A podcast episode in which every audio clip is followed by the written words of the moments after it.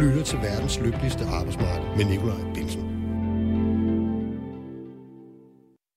Siden forslaget om en europæisk mindsteløn blev fremsat af EU-kommissionen tilbage i oktober måned 2020, har debatten kørt flittigt herhjemme. Og med klare flertal i både EU-parlamentet for en måneds tid siden og blandt medlemslandene i sidste uge, er det en virkelighed, som må sige sig rykke tættere og tættere på. Hvad betyder det for lønniveauet og ikke mindst lønudviklingen på det europæiske arbejdsmarked? Og hvilke konsekvenser kan det få for os herhjemme, overenskomsterne, organiseringsgraden, ja i virkeligheden hele den danske model, hvor løn og arbejdsvilkår i vid udstrækning aftales mellem arbejdsmarkedets parter og ikke dikteres eller reguleres via lovgivning. Det er en lidt svær og teknisk kompliceret debat, og de konkrete konsekvenser kan godt virke en smule uoverskuelige. Samtidig har et stort set enigt folketing, samt de store overenskomstbærende arbejdsgiver- og lønmodtagerorganisationer, kæmpet imod både forslaget og hele tankegangen om, at EU skal have denne form for indflydelse i Danmark. Vi prøver i dagens program at komme det hele lidt nærmere. Og til at hjælpe mig får jeg besøg af et par af dem herhjemme, som faktisk er tilhængere af europæisk mindsteløn. Og det er Stine Bosse, tidligere topleder og i dag medlem af en lang række erhvervsbestyrelser, og ikke mindst landsformand i Europabevægelsen. Hun er snart med på en telefon. Senere får vi også Bjarke Møller på banen, som blandt meget andet er forhenværende chefredaktør og direktør i Tænketanken Europa. Og med mig i studiet har vi også den relativt nyvalgte formand for KRIFA, Ejkdal Bidstrup. Den kristelige fagbevægelse er som bekendt en af de få fagforeninger, som er begejstret for EU-indblanding på dette spørgsmål. Selv er jeg forholdsvis skeptisk. Og jeg er som fællestillidsmand en af dem, der forhandler løn- og arbejdsvilkår på vegne af de offentlige ansatte 3F-kollegaer, jeg repræsenterer. De næste godt 55 minutter skal dog primært forsøge at blive lidt klogere og sikre, at vi når hele vejen rundt som jeres vært. Velkommen til programmet.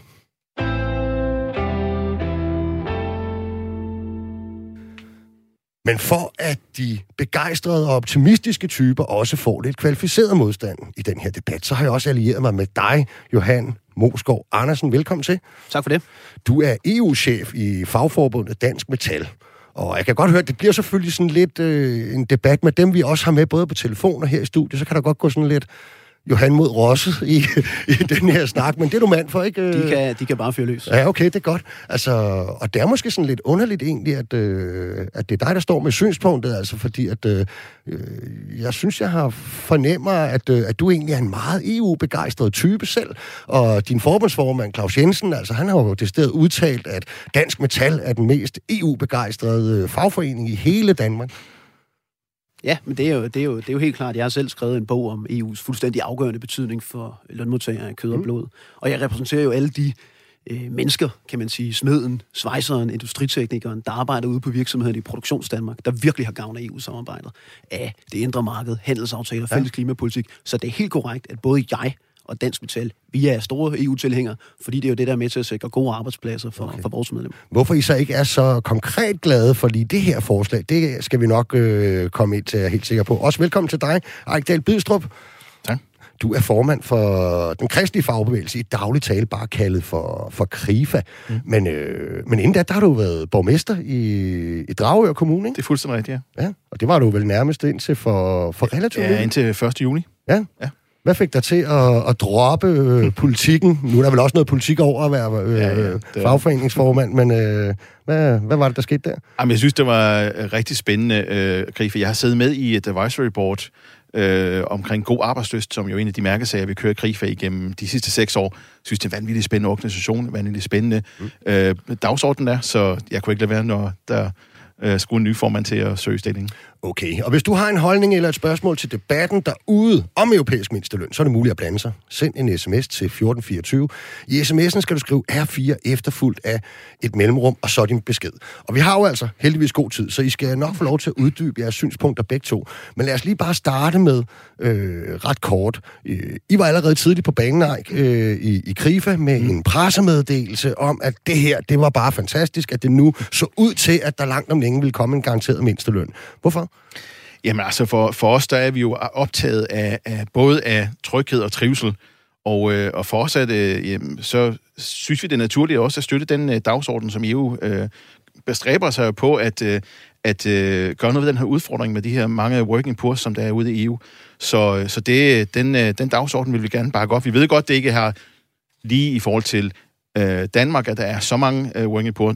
Du, du kan stadig ikke finde dem, mm. men, øh, men øh, vi vil gerne stå øh, solidarisk sammen med resten af EU.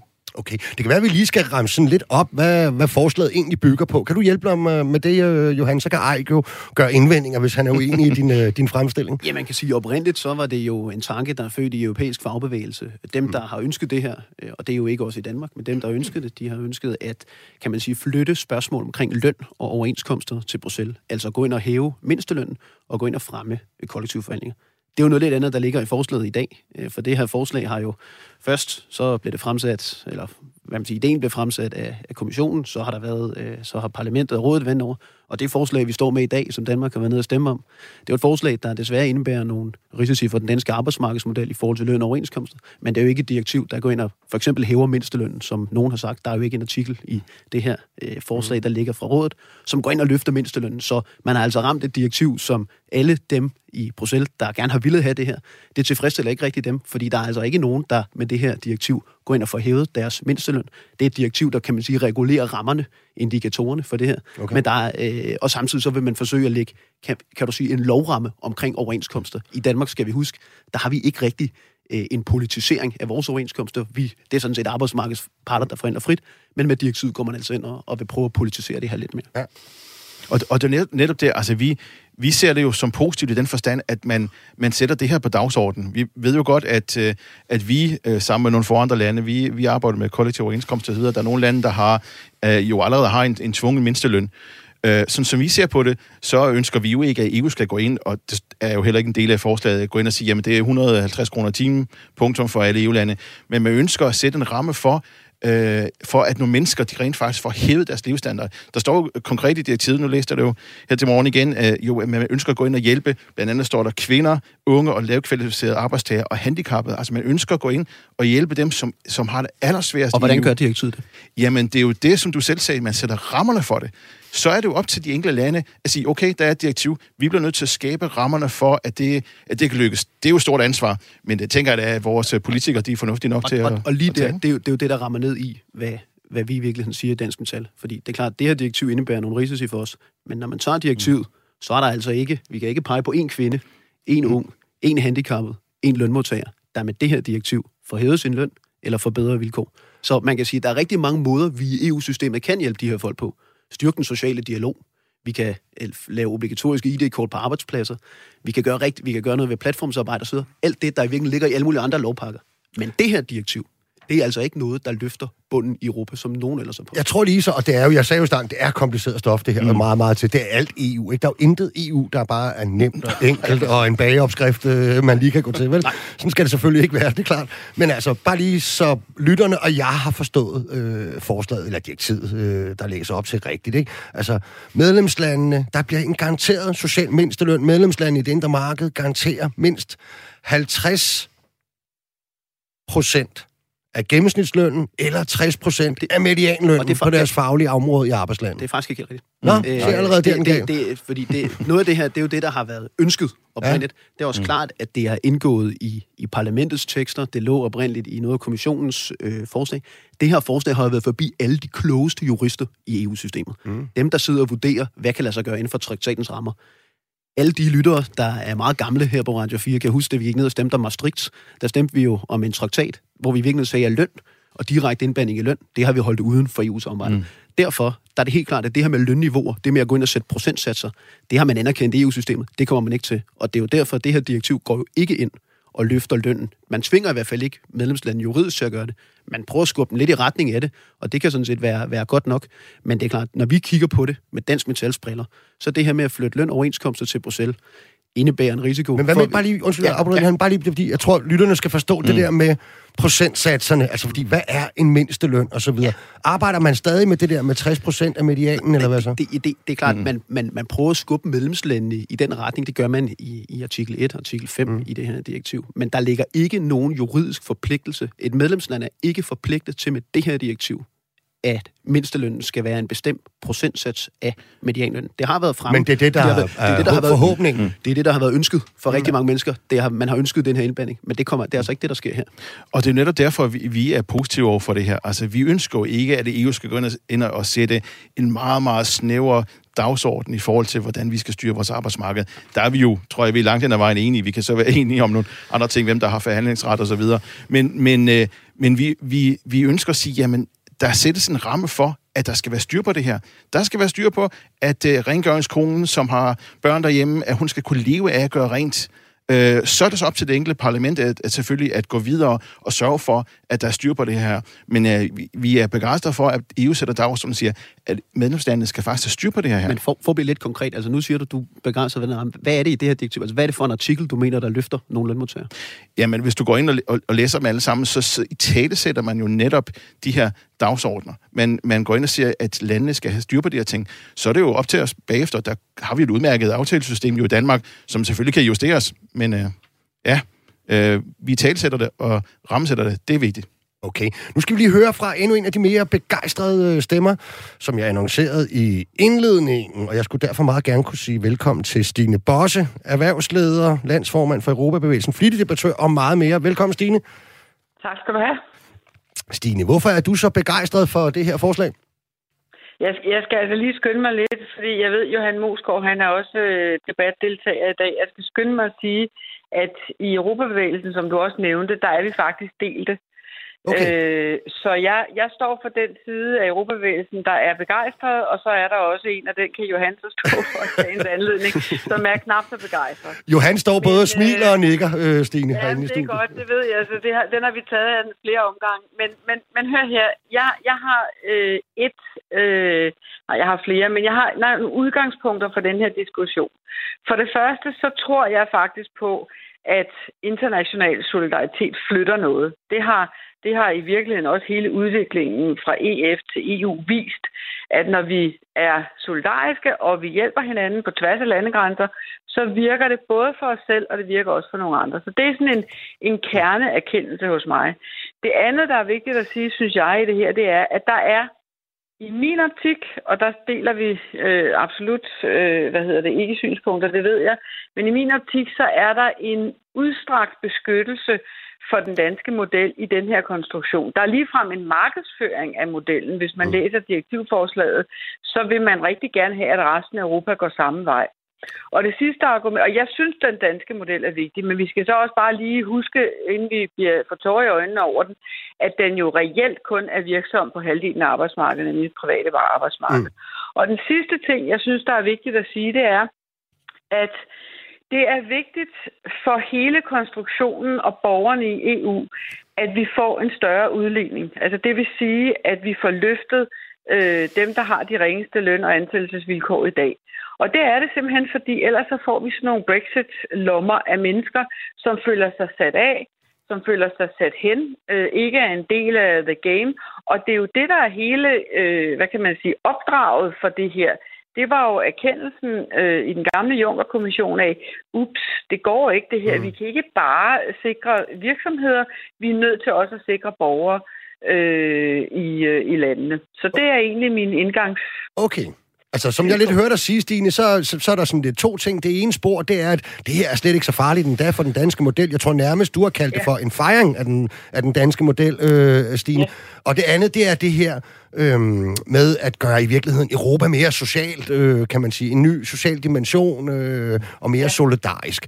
Øh, lad os lige adskille debatterne lidt og starte med, med, med den del, der handler om, er det her en, øh, en fejring af den danske model, øh, Johan Mosgaard Andersen? Øh, det, det, det er det jo i den forstand, at der i præamblen står mange roser til vores model. Mm. Og det er helt berettet, fordi vores model, det er alle sådan set enige om i Danmark og Sverige, det er den aller, aller bedste måde at organisere arbejdsmarkedet på. Netop uden, kan man sige, øh, altså, vi har ikke nogen lovbestemt mindsteløn, vi har stærke parter, og vi har, øh, vi har jo ikke politisering af vores overenskomster på det private arbejdsmarked, som Stine siger. Det, som forslaget så gør, det er jo øh, særligt med artikel 4, øh, i, i kommissionens øh, udspil. Nu ved jeg godt, det bliver lidt teknisk, og øh, Nikolaj, det skal nok, øh, ja, ja, skal nok ja. passe på med.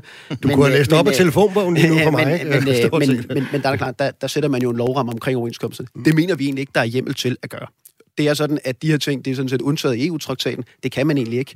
Øh, men, men det har man ligesom squeezet ind fra siden, det her med at gøre overenskomster mm. til et EU-spørgsmål. Det er noget af det, som vi, da Danmark tiltrådte Maastricht-traktaten, faktisk værer os lidt imod. Så er der løndelen der har man også forsøgt på at undtage lande som Danmark og Sverige. Øh, og, og jeg siger jo ikke, at man i EU-systemet har en modvilje mod Danmark og Sverige. Øh, det, man prøver faktisk netop at holde os fri for det. Det kan man bare ikke garantere rent EU-retligt, det kan vi også vende tilbage til. Men der er jo de her EU-domme, som skræmmer lidt. Sporene skræmmer for arbejdstidsdirektivet, hvor vi fik en lignende øh, garanti. Og samtidig så har vi jo så, har vi jo så også øh, øh andre EU-områder, for eksempel øh, på forsikringsområdet, hvor lande, der helt klart er undtaget fra mm. en direktiv, er endt med at komme ind, og det er jo det, vi frygter fra dansk okay. side. Stine, en række medlemslande har jo allerede selv en garanteret øh, mindsteløn og vedtaget osv. Mm. Hvor, hvorfor mm. er det, at det her er, øh, er så relevant? Det er jo det klare flertal af medlemslandene faktisk.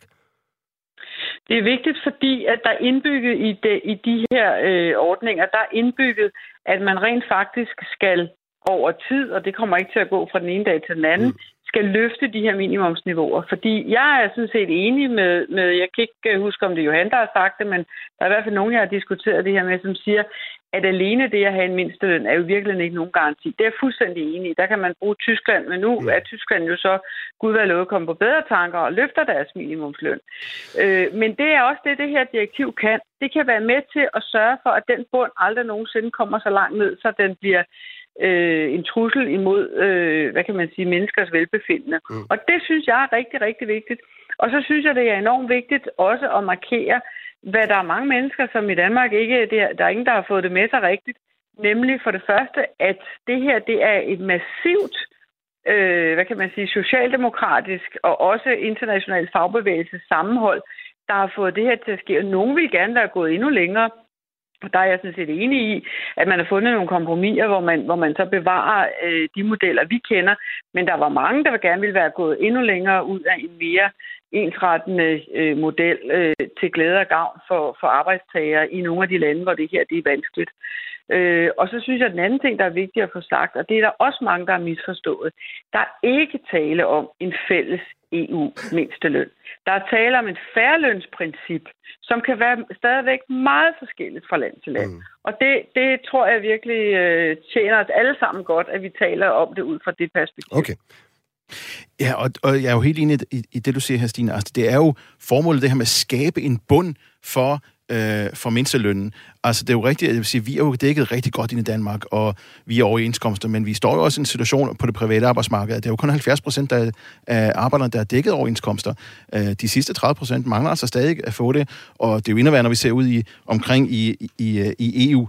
Så et eller andet sted øh, ser jeg det som en super god ramme for det, og så må vi jo gå ind med den fantastiske danske model, som I jo også siger, som bliver jo lovprist i EU, og så sørge for, at arbejdsmarkedets parter, os alle, vel at mærke, er med til at sætte nogle rammer for øh, øh, nogle ordentlige lønforhold, som er selvfølgelig højere end mindstelønnen. Johan? Jeg hører faktisk både Stine og Eik sige, dels rosen danske model, det er jeg enig i. Den, øh, den roser vi gerne imod. Øh, der bliver også sagt det her med, at man skaber en bund. Man laver et færlønsprincip. Altså, vi skal bare lige holde fast i, og, og der må jo rette mig, hvis jeg tager fejl. Er der en eneste artikel i det her direktiv, der sætter en bund under mindstelønnen? Altså, er der noget som helst i det her, der gør, at land ikke kan sætte mindstelønnen ned? Lad os lige høre Stine om det med det samme.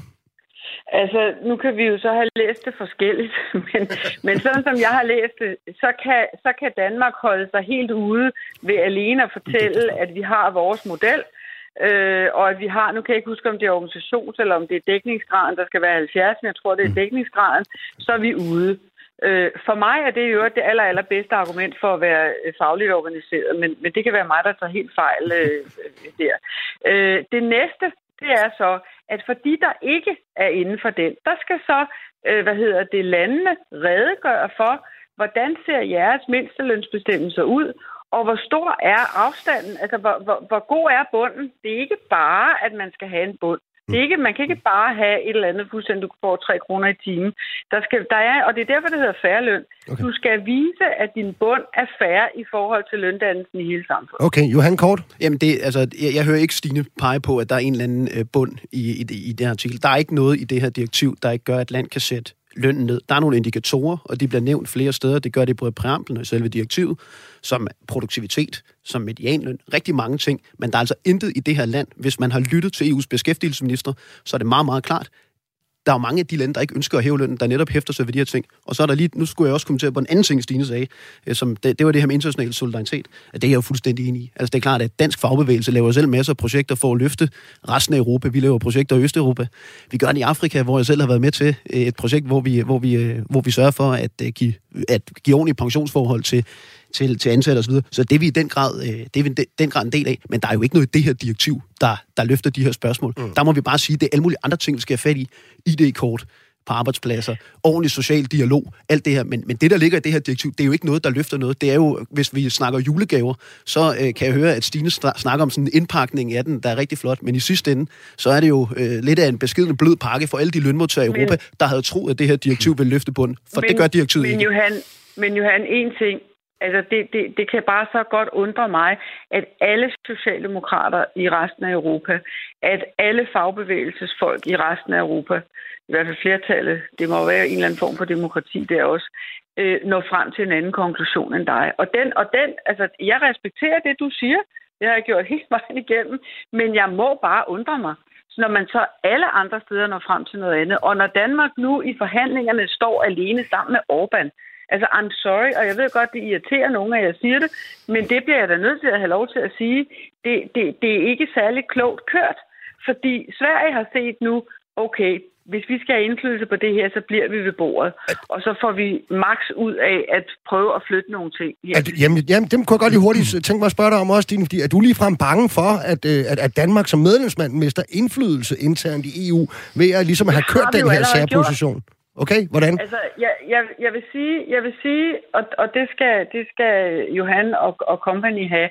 Øh, jeg synes, det er rigtig godt og klogt, at man også med, med et vis, øh, hvad kan man sige, hånden om på ryggen, har fået flyttet øh, kommissionen og dem, der har arbejdet med de her ting, derhen, hvor der står enormt meget respekt om den nordiske model. Det synes jeg er flot, og det er godt kørt, og det er solidt arbejde. Men jeg kan ikke forstå, at man så ikke her siger, okay, godt så, vi skal da ikke stå som Danmark alene sammen med Orbán. Nu fortsætter vi sammen med svenskerne. Vi får maks ud af det her, sådan, så vi beskytter arbejdstagerrettigheder aller, aller, aller bedst. Øh, og det gør man selvfølgelig på tværs af landegrænser. Det gør man på alle mulige spørgsmål. Det gør man i den grad også okay. her. Øh, det kan jeg ikke forstå. Mm. Ja, ja, og jeg er jo øh, helt enig om det, du siger her, øh, Stine. Altså, øh, fagbevægelsen øh, og øh, regeringen ser jo spøgelser her. Altså, man handler ud fra frygt om, øh, om, omkring EU, ikke så meget omkring substans, substansen i det her. Altså, en anden ting, som du også nævnte, som jeg synes er også er vigtigt at tage frem her, det var de her 70 procent, øh, der skal være dækket for, at, øh, at øh, vi kunne have fortsat med de her kollektive overenskomst. Øh, altså, det synes jeg, det er et rigtig godt øh, argument også at tage frem og sige, jamen, så skal det, kan det jo måske være, at vi skal, undskyld modtrykke, klemme ballerne sammen som fagbevægelser, og, og i stedet for at bekrige hinanden, som jo desværre gør i vores dage, øh, de røde og, og de uafhængige, øh, jamen, øh, så kan det være, at vi i stedet for skal sam, samarbejde, den, så vi får den en debat tror jeg, vi tager lidt senere i programmet. Lige mens jeg har Stine på telefonen, så skal jeg bare lige høre, fordi at ja. jeg har jo hørt mig frem til, at, øh, at der er jo faktisk allerede et ændringsforslag, som, som mener, at, øh, at det skal være en 80 procents over, altså, overenskomstdækning af arbejdsmarkedet, før man ligesom kan blive undtaget. Man skal, men det er derfor, man skal blive ved bordet. Okay. Sådan, så man siger, 70 procent, det er det rigtige tal. Og så skal man, og det er det, jeg simpelthen ikke kan forstå, men det, det er sådan nok min, min øh, hvad kan man sige, businesslogik, der, der, der spiller ind. Jeg kan ikke forstå, at når man som fagbevægelse i virkeligheden, synes jeg, får den foræring, at man siger, hvis der er 70 procent, der, der skal være dækket som argument for, at vi beholder det her på egne hænder. Det er da det bedste argument for at melde sig ind i en øh, fagforening og være med til at sørge for, at den dækningsgrad kommer op for at være med til at lægge pres på os den danske regering og sige, hvis vi skal beholde den danske model, kære regering og kære øh, arbejdsgiver, så skal vi sørge for, at den aldrig nogensinde kommer i nærheden af 70. Den er jo heldigvis mm. højere. Mm. Og, og det, det kan jeg, jeg kan ikke, det er logikken, der, der for mig udstår. Lød det fra Stine Bosse. Tusind tak, fordi du ville medvirke i programmet.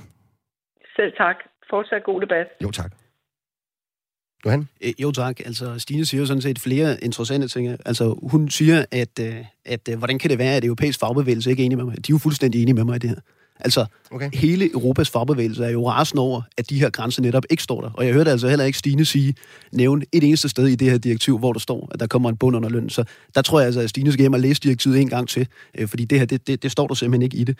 Så er klart, det her med den danske regeringsstrategi, der skal vi huske, det her, det er jo ikke kun regering og fagbevægelsen. Det er jo ikke mig, der har stået og stemt for øh, det her. Det er alle partier i Folketingets Europaudvalg, der står bag den her linje. Mm. Det er alle danske lad høre, lad os lige høre Ejk om det med samt. I står jo faktisk øh, egentlig meget alene. Ja, der er dig og Stine, og lige om lidt kommer Bjarke og nogle andre. Men jeg kan også godt afsløre, det har ikke været sådan super nemt at finde debattører, nej, der vil stå fuldstændig nej. på mål for det her. Mm. Men det er jo, som jeg siger, altså, det er ud fra frygt for, for det store stykke EU, der kommer ind mm. og skal bestemme, hvad vi, hvad, hvad vi mener i Danmark. Og det synes jeg, det er en forfejlet politik. Altså helt ærligt, lad os være medspillere, som Stine siger, lad os sætte os ned ved bordet og tage ansvar, som vi jo er kendt for i Danmark. Altså, og så lad os påvirke det så godt, som vi overhovedet kan, frem for bare at melde os ud. Det synes jeg, det er en, det er en, det er en lavse strategi. Okay. Men der vil jeg altså godt rose regeringen og Folketinget, fordi det er klart, at det her direktiv er blevet flyttet så meget, som Stine også peger på, det skyldes jo, at danske politikere har været ekstremt dygtige i forhandlingslokalerne. Og den her samlede alliance, vi har haft nationalt, den har altså virket. Vi er slet ikke i mål. Men det har faktisk været rigtig, rigtig godt. Så der vil jeg godt rose de danske politikere for netop at få flyttet det her direktiv i den helt rigtige retning for den danske model. Okay. Som jeg har forstået det, så stemte Danmark nej for at værne om den danske model. Men er den danske model ikke praktisk talt død efter de seneste to store konflikter? Lærerne og sygeplejerskerne er afsluttet med regeringsindgreb. Venlig hilsen, Niels Ebbe Frederiksberg. Og det er jo selvfølgelig et synspunkt. Du lytter til verdens lykkeligste arbejdsmarked med Nikolaj Bensen. Det er så rigtigt, som det kan være, og dagens debat står i Europas tegn. Helt præcist debatterer vi EU-direktivet om en europæisk mindsteløn, som på trods af officiel dansk modstand lader til at rykke nærmere og nærmere. Vi har lige sagt farvel til Stine Bosse. Hun var ikke så bekymret over den udsigt. Og med mig i studiet har jeg fortsat besøg af to repræsentanter fra vidt forskellige dele af fagbevægelsen herhjemme, nemlig EU-chef i Dansk Metal, Johan Moskov Andersen, og han er ingenlunde så optimistisk på projektets vegne som formanden for Krifa, Ejkdal Bydstrup er. Begge to er fortsat med mig i studiet i den resterende del af programmet. Og hvis du bliver hængende, så kan man altså fortsat skrive herind. Det var det, Niels Ebbe fra Frederiksberg gjorde lige før. Og det er, hvad enten du har en kommentar eller et spørgsmål til dagens debat om europæisk mindsteløn. Send os en sms på 1424, skriv R4 og så din besked efter et mellemrum. Så skal jeg også sige velkommen til dig, Bjarke Møller. Du skulle gerne være med på en telefon. Ja. Ja, goddag. Goddag. Hej. Dejlig forbindelse, og det siger jeg jo, fordi jeg ved, du sidder hele vejen nede i, i Spanien, ikke? Det er korrekt. Ja, vi går meget internationalt i dag. Du er journalist og foranværende formand for Tænketanken Europa. Øhm, og i dag er det jo sådan, at øh, et klart flertal af medlemslandene, de, de opererer allerede med en, en garanteret national mindsteløn. Det debatterede vi også lidt med, med Stine Bosse før. Andre lande som Danmark har en anden model. Bjarke, allerførst, hvorfor er, er det her øh, tiltag overhovedet nødvendigt? Jamen, det er jo vigtigt, fordi der er jo 24-25 millioner working poor i Europa, som øh, får under 50 procent af gennemsnitslønnen og, og ligger under, altså lever som en fattigdom, selvom de arbejder. Og det er jo en kæmpe trussel for solidariteten i Europa.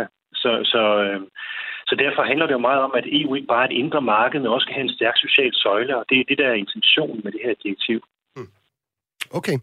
Så noget af din begejstring handler i virkeligheden om, at EU den udvikler sig i sådan, hvad kan man sige, det var faktisk også det, Stine var inde på, lidt mere i social retning, hvor hensynet til lønmodtagerrettigheder, det, øh, det skal fylde mere, eller hvad? Men vi, altså, vi har brug for meget mere solidaritet i Europa. Altså, vi kan ikke bare have en nationale konkurrencestatsmodeller, hvor vi konkurrerer med hinanden mest muligt. Altså, det handler også meget om at skabe en stærkere sammenhængskraft og solidaritet i Europa, så også bunden bliver løftet op. Og der har vi jo problemer altså, i en række europæiske lande, hvor, hvor mindstelønningerne er meget lave, og det er også et problem på dansk konkurrenceevne. Øh, så mister vi jo øh, arbejde, øh, og hvis lønnen bliver hævet i andre lande, så, så kan vi også få større eksportmuligheder, og det er godt for vores velstand og velfærd.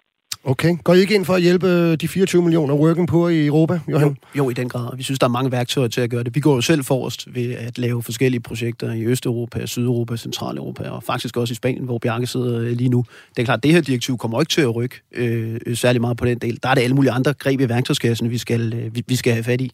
Øh, så, så, så man kan sige, at det her direktiv kommer ikke til at løfte nogen lønmodtagere. Det synes jeg også, vi har fået belyst rigtig godt i debatten i dag. Men det er klart, det er nødvendigt, at vi, at vi tager nogle initiativer for at bekæmpe social dumping, working poor osv. i Europa. Vi har selv spillet ud med en masse forslag på det her. Det gælder sådan noget som at få obligatorisk ID-kort på byggepladser, styrke den sociale dialog i Europa, gøre noget ved alle platformsarbejderne. Mm. Der er et rigtig godt initiativ på vej på kommissionen der. Så der er rigtig mange gode greb i værktøjskassen, hvor vi altså ikke behøver at smadre den danske model, eller flytte lønoverenskomstspørgsmål til EU, fordi det er jo der, hvor vi siger, de bedste arbejdsmarkeder, det er dem, hvor øh, det er altså arbejdsmarkedsparter, ikke politikere, der, mm. der tager sig de her spørgsmål. Nej. Men nu talte vi jo tidligere omkring det her med, at, at, at det her direktiv øh, ønsker med det var at skabe nogle rammer omkring, omkring det her. Øh, nu går du selv ind og siger, jamen nu smadrer vi den danske model ved at, ved at, at lave det her, øh, komme med det her direktiv her, og, og det er egentlig det, man ønsker fra EU's side. Det tror jeg, som, som man ikke, altså, øh, man ønsker netop at skabe rammerne for alle de andre gode ting, som du selv ser, som I tager initiativer ude omkring i Europa, og som vi også gør, og, og også andre fagforeninger. Jamen det er jo været med til at skabe nogle rammer omkring, så det fungerer. Ja, så er der selvfølgelig meget andet indhold, der skal, der skal i, og det er der, hvor I skal gå ind og påvirke, vi skal gå ind og påvirke, så vi sammen løfter øh, de her working poor i, i Europa. Det er i hvert fald vores holdning til det. Okay, Bjarke, nu nævnte jo han jo det her med, at der er jo også øh, tiltag og direktiver på vej i forhold til med, med øh, både med working poor, men især i forhold til det her med platformsøkonomi, falske selvstændige og alle de der ting. Er det ikke nærmere så er der nogle ting, som EU burde gøre for for eksempel at, øh, at, at skabe grobund for en bedre organisering og overenskomstdækning rundt omkring Europa, øh, nærmere end, øh, end det her spørgsmål om at, at, at garantere en mindsteløn? Jo, altså, jeg synes, det er utrolig vigtige initiativer også, som Johan nævner, øh, og det er også noget, det jeg selv har skrevet en del om i min, min bog, Håbets Politik, som handler om, at vi skal have en ny social pagt for Europa, og de der ID-kort og opgøret med platformsarbejde og sådan nogle ting, og de prekære job, det er ekstremt vigtigt for, for os i Europa. For den europæiske model er jo netop, at vi skal tage hånd om de nederste. Og hvis vi svigter det, så, så er det et stort problem. Jeg vil bare sige, at jeg synes, at den der retorik om, at det her det er en bombe under den danske model, og det vil smadre den danske model, at det synes jeg simpelthen er langt øh, uden for skiven. Mhm. Det her det er for det første er det rammedirektiv. Vi ved også, at øh, Beskæftigelsesministeriet i deres seneste samlenotat, altså Peter Hummelgaards ministerium, har sagt, at på det foreliggende grundlag, der vurderes øh, kompromisteksten ikke at få umiddelbare konsekvenser for reguleringen af den danske arbejdsmarkedsmodel.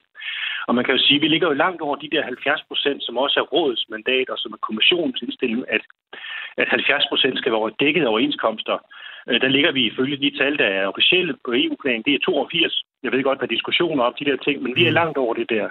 Og det, som jeg synes er det spændende ved det her forslag, det er jo, at det nærmest presser de andre EU-lande til at få det, der minder lidt om en dansk-nordisk model, hvor de ønsker at løfte overenskomstdækningen i alle EU-lande. Det vil sige, at der kommer instrumenter til at få løftet folk op. Hvis de er under 70 procent, så skal de komme med en national handelplan.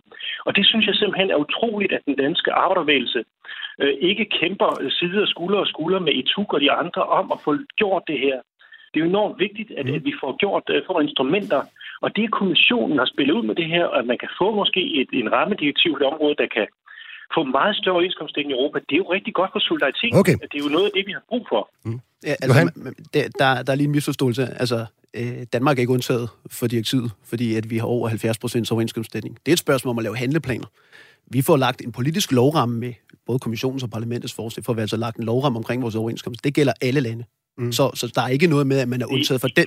Der er ikke noget med, at man er undtaget for den del. Jamen, der er øh, jo og, dem, og, allerede i indledningen, jamen Johan, der er jo allerede i indledningen, der står der helt klart, at enten kan man gøre det i overenskomster, som i den danske model, eller man kan gøre det øh, per lov og almengørelse. Det her er overenskomstfor, det her overenskomstforhandlinger. Det her overenskomstforhandlinger. Altså det, at der skal, ja. det, det, altså den øverste del af artikel 4, det er klart, det gælder alle lande, og det gælder også Danmark. Der er ingen, der er undtaget for den del, heller ikke, hvis man er øh, over 70 procent. Så det er i hvert fald vigtigt at få den på plads. Bjarke? Så er det klart. Ja. Bjarke? Ja, Jamen, så det er jo, der står allerede i artikel 1, at man respekterer de nationale modeller øh, og vores øh, forhandlingsmodel, så, og det har jo også Nicolas Schmidt, beskæftigelseskommissæren, sagt. Det er fake news, at det er at det er et opgør med den her forhandlingsmodel. Der ligger jo respekt, og det ligger der også i traktaten, helt grundlæggende det, som domstolen skal fortolke på. Der ligger det jo, at man skal sikre en respekt for de, de, de modeller, der er øh, og forhandlingsparternes rolle. Så, så det tror jeg simpelthen ikke på, at det, det holder det der. Jamen, så skal du læse, altså, Bjarke, Bjarke, så skal du læse forslaget, fordi det, det... Jamen, det, jeg har jo læst forslaget. Jeg har, læst, jeg har også læst det, den flere hundrede sider lange, altså øh, gennemgangs impact assessment, som kommissionen har lavet, så du skal ikke komme og belære om det der. Nej, nu, griber, nu griber jeg lige ind her, venner, fordi nu, nu bliver det lige præcis så teknisk besværligt og kompliceret, som jeg havde frygtet. Og der, jeg har jo læst. Men derfor så trækker jeg lige, jeg trækker lige debatten et andet sted hen, fordi hvis vi nu så leger, fordi I, I er trods alt enige om alle sammen herinde, at der skal laves nationale handleplaner, hvis det er sådan, at man ikke har øh, den der øh, dækningsgrad, som der er. Ikke? Hvad er det så, vi skal gøre? Der har du blandt andet, Bjarke Møller, været fremme med, at så kunne man jo skele til, til den norske model, hvor at, mm. øh, man øh, almen gør, altså hvor man ligesom ophøjer øh, overenskomstresultater, der er forhandlet til lovgivning. Er det den slags ting, du så mener, øh, man så skal gøre? Jamen, det bliver slet ikke nødvendigt i Danmark, for vi er slet ikke omfattet af det. Vi får, vi får ikke noget krav. Vi ligger på 82 procent i øjeblikket, og det vil sige, at vi er i forhold, vi har den ene model, den overenskomstmæssige baserede model, den kan vi fortsætte med, som vi har gjort indtil nu, business as usual.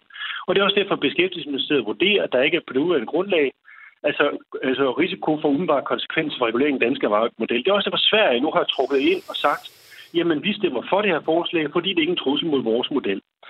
Men hvis nu at vi så i værste fald kom ned under de 70 procent, og det kan vi jo gøre rigtig meget for i Danmark, og det mener man skal gøre meget for at sikre, at vi ikke kommer derned.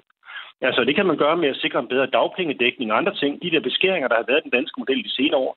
Hvis man fik gjort noget ved det, så ville flere være organiseret fagforeninger, få flere ind og overenskomster osv. Lad det ligge. Hvis vi får en anmeldegørelse som i Norge, hvis vi nu røger ned under de 70 procent, og folk fucker det op, og man ikke får gjort noget ved det her, så står vi i en ny situation. Og i der, der må man bare sige, at de norske erfaringer, siden de har almen gjort, der har de ikke tabt så mange medlemmer i fagforeningerne, som vi har i Danmark. Og de får faktisk løftet nogle af dem, der ligger ude og får under fattigdomsgrænsen, får dem løftet op. Så man udstrækker en overenskomst, en gældende overenskomst, til at gælde alle inden for det område.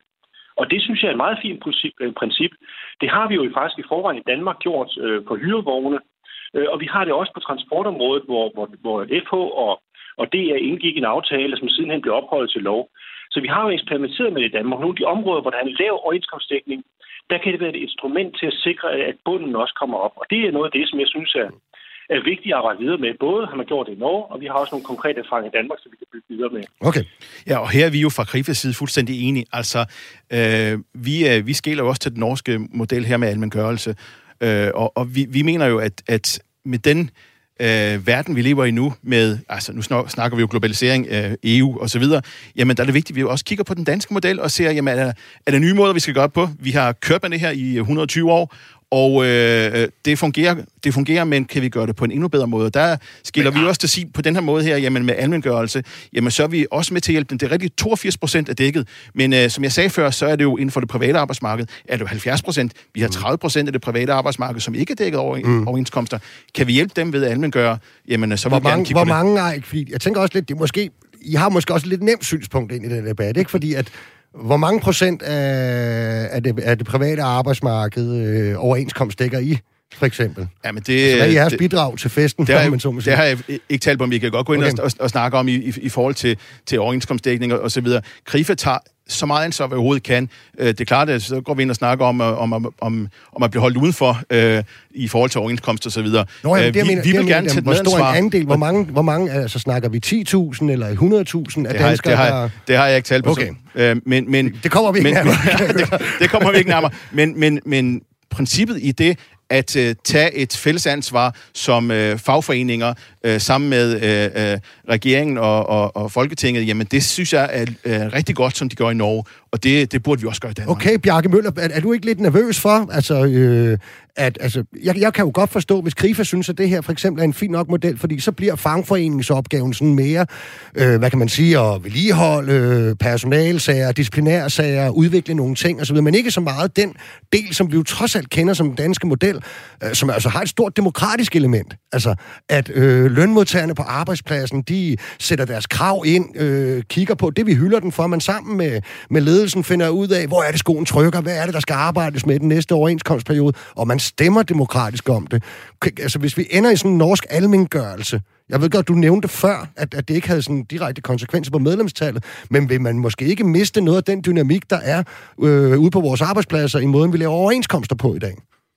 Jakob? Jamen, jeg er en varm tilhænger, jeg er en varm tilhænger af fagbevægelsen, og jeg mener, det er vigtigt, at vi har fagbevægelsen, en stærk fagbevægelse, som er organiseret, og jeg er ikke så meget tilhænger af gode fagforeninger. Jeg tror meget på, at kampskridt øh, er nødvendigt også. Hvis øh, der kommer en konflikt, så skal vi have de instrumenter. Det er enormt vigtigt. Den danske model har vist sig at være en stor, stor succes, og den skal vi selvfølgelig udbygge. Og jeg mener faktisk, at det her direktiv er et instrument til at kunne udbygge den. Øh, Øh, og at give et, lægge et pres på nogle af de områder, øh, fag, hvor der ikke er en ret høj overenskomstdækning. Landbruget, altså hvor man svigter. Hotel- og restaurationsbranchen, hvor alt for få, der organiserer overenskomster. Mm. Øh, byggebranchen, der er nogle af de der områder, hvor man skal lægge pres på dem. Og der kan man få øh, et, et større pres, fordi vi nu har, øh, hvis vi under, under de 90, 70 procent, jamen så, så kommer vi altså ned i en situation, hvor vi ikke ønsker at være. Vi, vi skal fastholde den danske model, mm, okay. øh, fordi den har de der demokratiske elementer. Så det er jeg meget varmt tilhænger af. Okay. Øh, jeg ser det som mulighed for også at løfte øh, den danske model ind i de andre europæiske lande, mm. således at vi får et stærkt øh, Europa, hvor der er stærke fagforeninger og, og meget, meget stor dækning overenskomster, så vi får en større grad solidaritet. Så det er sådan set det, min vision er. Okay, Johan? Jamen, øh, der sidder nok nogle Radio 4-lyttere ved deres computer derude, og de kan jo gå ind og google FAOS og almengørelse. Det er jo sådan, at Københavns Universitets bedste forskere har kigget lidt på det her øh, spørgsmål. Og det, de når frem til, det er jo, at både i Holland og i Tyskland og i øh, Norge, hvor man har gjort det her, der er det sådan set ikke øh, elimineret de problemer, der er. Jeg er selv øh, aktiv i europæisk fagbevægelse sammen med tyske og hollænder og nordmænd, og de har altså væsentligt større problemer på de arbejdsmarkeder end os. Virkeligheden er jo, at det her med almengørelse, det er ikke noget, der styrker arbejdsmarkedet specielt meget. Det er jo der, hvor du har stærke fagforeninger, har stærke mm. folk til at, til at, at håndhæve de her spørgsmål. Det er det, der er det væsentlige. Men Johan, må lige sige, man kan både Eik og, og Bjarke ikke have en pointe i, at det, ja, ja, og det kan jo godt være, at i Dansk Metal, som trods alt er, er, er et forbund, der bygger på, at man øh, har, har uddannelse, og man har mødt ja. hinanden på en teknisk skole, hedder noget andet i dag, der men ja. ikke til at starte med, og alt sådan noget, ikke? Øhm, og så det Wild West, man jo kan møde i hotel- og restaurationsbranchen og i på platformsøkonomien og så videre. Der, der, du, du har helt Der ligger en kæmpe opgave. Der er der faktisk meget EU-lovgivning, altså når det gælder platformsarbejder og ID-kort på byggepladser. Der kan vi altså lave nogle rigtig gode løsninger. Det der med at almengøre, det er i hvert fald noget, som forskerne øh, advarer mod. Det er klart, der, der er sikkert nogle gule fagforeninger, der bliver styrket af det. Men, men, men, men, men, men det er klart, her, her er der altså nogle forskere, der er modstandere. Og det vi jo bare kan se, det er jo, at forskere, øh, EU, danske politikere, et bredt flertal i Folketinget, synes jo, det er den danske model, der er det bedste. Så øh, ja, der jeg har jeg jo lidt en kedelig position i den her debat. Altså, jeg synes jo, den danske model er Europas bedste. Den danske og svenske nordiske arbejdsmarkedsmodel, den har virkelig vist sit værd. Mm. Også her i coronakrisen, med trepartsforhandlinger osv. Og det er klart, der synes jeg jo, at det helt nemme svar her, det er at sige, løn og overenskomster, det skal ikke være et spørgsmål for EU. Lad os droppe almengørelse, og så lad os løse de her problemer inden for den danske model, som faktisk fungerer rigtig godt, okay. og meget bedre, Men... end det gør i alle mulige andre lande. Og den danske model har fungeret rigtig, rigtig fint i 120 år. Det er fuldstændig enig med, og det er super, de skridt, der er taget. Måske skal vi bare prøve at kigge det fra en anden side og se det i et moderne perspektiv, og se øh, nogle af de facetter i, som du selv siger, hotel- og restaurationsbranchen, andre, hvor det ikke fungerer, kan vi på de områder gå ind og hjælpe ved almengørelse, jamen så mm. vil vi meget gerne gøre det. Bjarke? Ja, jeg synes, det er, altså, det er jo fint. Altså, jeg er helt enig i, altså, vi skal jo udstrække den danske model mest muligt at gøre det, men vi er også nødt til at tage solidariteten alvorligt. Det er jo det, fagbevægelsen oprindeligt blev stiftet for. Altså, det er jo det, der har været mobiliserende kraft, altså solidaritet. Og når vi har på det danske arbejdsmarked 6% af arbejdsstyrken, der arbejder under EU's fattigdomsgrænse, som er under 50 procent af gennemsnitslønnen. Mm. Næsten en femtedel er ikke dækket overenskomster, og på det værre på det private område, og specielt nogle konkrete brancher. Og der må vi også bare erkende, at der skal man også være pragmatisk nogle gange. Altså i stedet for at kravle helt op i tøjet, i, i, i, op, i træet, og så bare sidde her og råbe og skrige det op, så er der også nogle gange, skal man finde nogle praktiske løsninger, så man får løftet de her folk ud af fattigdom. Fordi det er enormt vigtigt med solidaritet. Ellers mm. bryder vores samfund sammen. Og der må man jo bare sige, at der har vi nogle fag, nogle brancher, hvor der er store problemer, og der har vi fundet nogle pragmatiske løsninger i Danmark.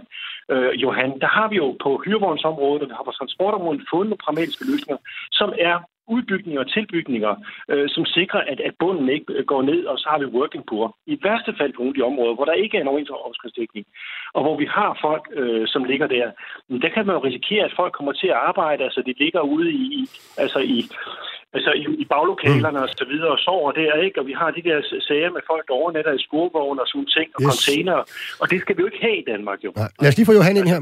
Ja, og der sige, jeg er meget enig med Bjarke, det, der, det hjælper ikke bare at råbe og skrige op i træet, som Bjarke siger. Det vi jo gør fra dansk fagbevægelse det er jo, at vi prøver at løfte både folk i Danmark, men også i resten af Europa, igennem alt det her faglige arbejde. Vi hjælper med at lave overenskomster over hele Europa.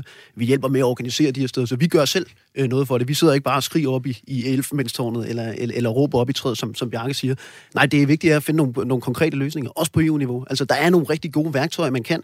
Bjarke har selv øh, nævnt nogle af dem tidligere, jeg har nævnt nogle af dem, men det er bare ikke det her lønoverenskomstdirektiv. Det er med at politisere de her spørgsmål. Jeg kan ikke nævne et arbejdsmarked i Europa, hvor man politiserer de her ting med succes det er jo derfor, at Danmark og Sverige bliver så fremhævet i den her direktivtekst. Det er fordi, at løsningen på de her spørgsmål, det er ikke at give politikerne ansvaret for det.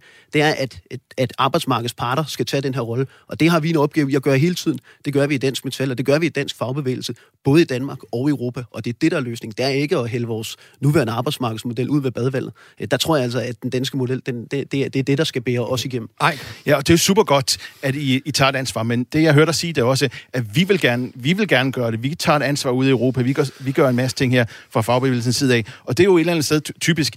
Øh, man vil gerne gøre det, men man vil altså ikke samarbejde med andre omkring det. Man vil ikke være med til sammen og, og, og løfte niveauet sammen med resten af EU. Det synes jeg, det er trist. Okay, der kommer et spørgsmål ind her fra en lytter. Hvis EU står for arbejdskraftens fri bevægelighed, et frit marked med fri konkurrence, vil en fastsat løn så ikke mindske den frie konkurrence, når man sætter en fast pris på den del af omkostningerne for en producent. Med venlig hilsen, Jeppe Nygaard. Vi kan lige starte med Bjarke, og så tage den rundt til alle sammen bagefter. Jamen, altså, der står i traktaten, at vi også skal sikre den sociale sammenhængskraft, og vi skal også fastholde, at, øh, at vi skal løfte folk ud af fattigdom, øh, og der skal ordentlige arbejdsbetingelser. Så det handler ikke kun om arbejdskraftens fri bevægelighed. Det er jo et vigtigt princip, men det er ikke det eneste. Social dialog er ekstremt vigtigt, det ligger allerede for, da unionen, Romtraktaten, blev bygget, og det er kommet ind i efterfølgende traktater, så det ligger ret klart. Og det, jeg synes, der er spændende ved det her direktivforslag, er jo også, at for eksempel det kommer ind ved offentlig udbud, der skal der være respekt for overenskomst og lovbestemt mindsteløn. Øh, man skal beskytte arbejdstagerrepræsentanter og udgående behandling for arbejdsgivere. Altså nogle af de der ting, som kommer ind, som er redskaber. Og det, at man forpligtiger altså alle medlemslande til at sikre, at, at, at vi får løftet folk ind på overenskomster, og at man øh, ikke folk skal være working poor, det giver nogle redskaber, det skaber nogle nye normer, øh, og presser alle medlemslande til at løfte. Og det jo vil være rigtig fint, fordi nu har vi set øh, analyser, der viser fra øh, den internationale valutafond, der siger, at mindstelønnen i Estland for eksempel vil stige med 34 procent, i Spanien 25 procent, mm. Grækenland 15 procent. Altså hvis man bruger det her direktiv. I Tyskland ser vi nu den socialdemokratisk ledede regering vil løfte mindsteløn yderligere. Og hvad skete der, da de for nogle år siden indførte den lovbestemte mindsteløn? Øh, der havde de øh, den med 14 procent i Tyskland. Nu er de hævet den yderligere med 25 procent. Mm. Og ved, de ved jo godt, hvad der er sket i den periode. Det er, at arbejdsgiverne nu begynder at investere i efteruddannelse. Og ny teknologi også, fordi man er nødt til at løfte produktiviteten. Men det bliver godt for hele landet, at, at der også kommer flere øh, krav til arbejdsgiver, de bliver under pres, øh, og at, at de svageste øh, og dem, der ikke får en ordentlig løn, de kan leve af, okay. jamen, de faktisk får en ordentlig løn. Lad os lige høre Johan en gang her. Jamen, jeg er meget, meget glad for, at Bjarke, jeg er meget, meget glad for, at Bjarke roser det med arbejdsklausul i offentlig udbud. Det er jo noget, som vi har øh, fået med ind i det her direktiv, og, og det er jo endnu et, et af de mange aftryk, som man må bare må sige, at vi, alle os, et samlet organisationsdanmark og et samlet politisk spektrum må få ind. Så det er helt klart, at, at, at det, er jo en, det er jo en stor sejr for, for os, og det er vi rigtig glade for. Ja, det det. Men, men, men der er det det her med, det, når vi tager det her løn overenskomstspørgsmål, spørgsmålet går på det her med en fast løn osv., altså der, der, der tror jeg bare, man må sige, det er altså ude af traktaten. Der er ikke noget i det her direktiv, der kommer til at løfte lønnen i Europa. Det er virkelig vigtigt at få sagt, for det flyder med misinformation om det her direktiv, at det skulle løfte en masse folk ud af working poor osv. Det kommer det altså ikke til. Og så Men måske det kan lige, vel gøre det, hvis, hvis, hvis medlemslandene... Medlemslandene er, altid, medlemslandene er altid fri til at hæve deres mindsteløn, øh, og, og det, det håber vi jo, de gør mange af de her steder. Øh, vi arbejder jo selv for det og prøver at hjælpe dem i de nationale lande, men det er klart, at EU-initiativet gør ikke nogen forskel her. Nej. Og det er jo der, der at, øh, som Bjarke også siger, bruger det her ord solidaritet. Altså, det er jo egentlig noget, som jeg jo mange gange har hørt fagbevægelsen snakke om, vi skal være solidariske osv., men lige nu hører jeg jo det stik modsatte. Altså, ved at øh, lave den her almengørelse, ved, og det er, jo, er jo godt klar over, det er jo ikke EU, der skal gøre det, er jo også der skal bestemme det om, om, omkring, omkring bordet her i Danmark, jamen så sikrer vi jo os mod alt det her løndumping og, øh, og de dårlige forhold, som, som der kommer ind.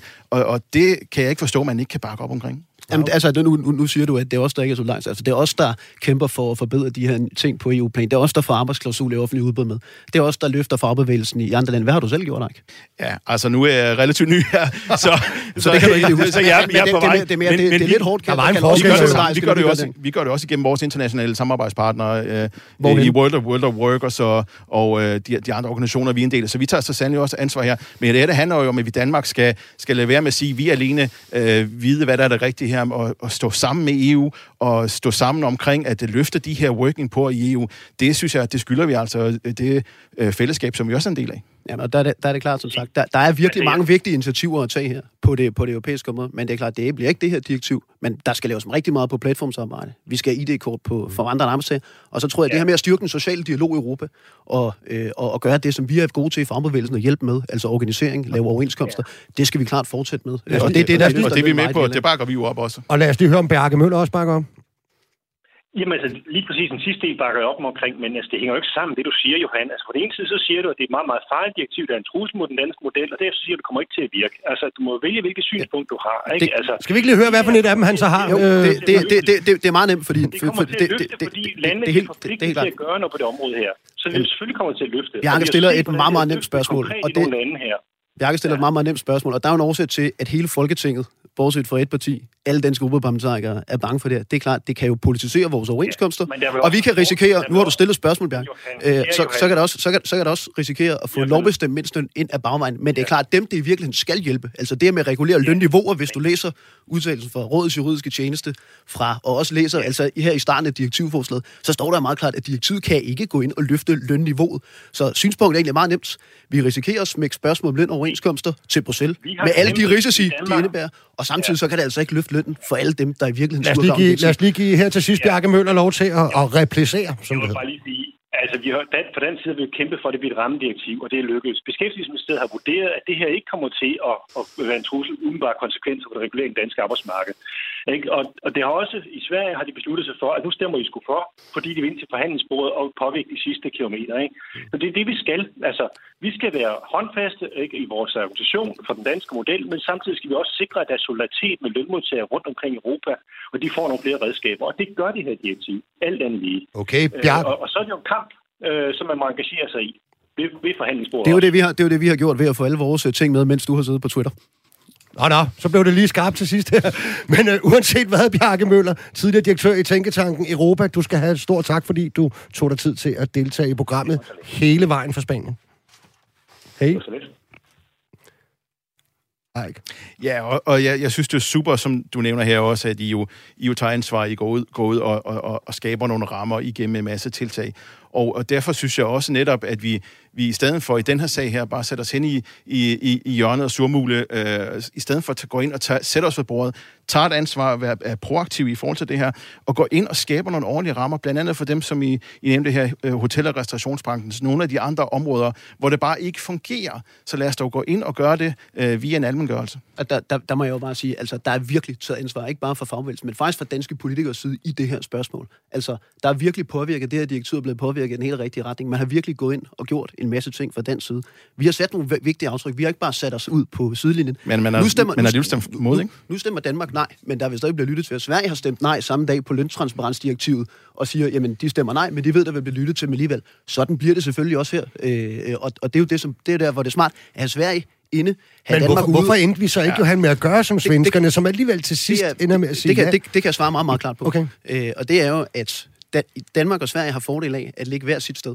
Så Sverige har vi inde i forhandlingslokalet, men hvis vi på et tidspunkt, lad os sige, det her direktiv ender med, at, når det endelig bliver vedtaget, at blive rigtig farligt, så har vi dermed muligheden også for at anlægge et annullationssøgsmål ved domstolen over Det for er simpelthen den store nordiske ja. vikingplan, der er her. Ja, ja, ja, hvis, øh, men, men, men, men det er klart, at Danmark og Sverige samarbejder jo massivt på det her. Mm. Vi har masser af kontakt til svensk fagbevægelse også, og Danmark har altså, det, med al respekt, jeg tror mange kender det, øh, når Eiken sidder i sin hovedbestyrelse derhjemme. Hvis der er en, der stemmer nej til et forslag, så er det jo ikke sådan, at man aldrig nogensinde vil lytte til pågældende igen. Det tror jeg alle øh, ved, der har været en del af en Ej, demokratisk nu, er, nu, er jeg, nu er jeg selv tidligere politiker. Jeg ved godt, hvordan det fungerer. Hvis du, øh, hvis du sætter dig hen i hjørnet og siger, jeg vil ikke være med til det her, øh, jeg lader andre forhandle på mine vegne. Altså, det er ikke synes, det, det er sagt lav, her. lavsæl af Sverige øh, tage, tage øh, arbejde her. Men hvis det som Johan men, siger er en men, men hvis man siger nej, jamen, så stiller man sig udenfor. Så har man jo ikke Ej, indflydelse det, på har, det. det, har man, det har man i den grad, og det tror jeg alle, der, der, der ved lidt om EU-systemet, vil give mig ret i. Altså, Danmark har stadig, der, der, der bliver stadig lyttet massivt til Danmark. Sverige har gjort det samme på løntransparensdirektivet præcis samme dag, i erkendelsen af, at der stadigvæk vil blive lyttet til dem. Så selvfølgelig bliver der det. Og Ja, så, det, og det, så, det og så- håber jeg, men jeg, men jeg kan godt være i tvivl om det.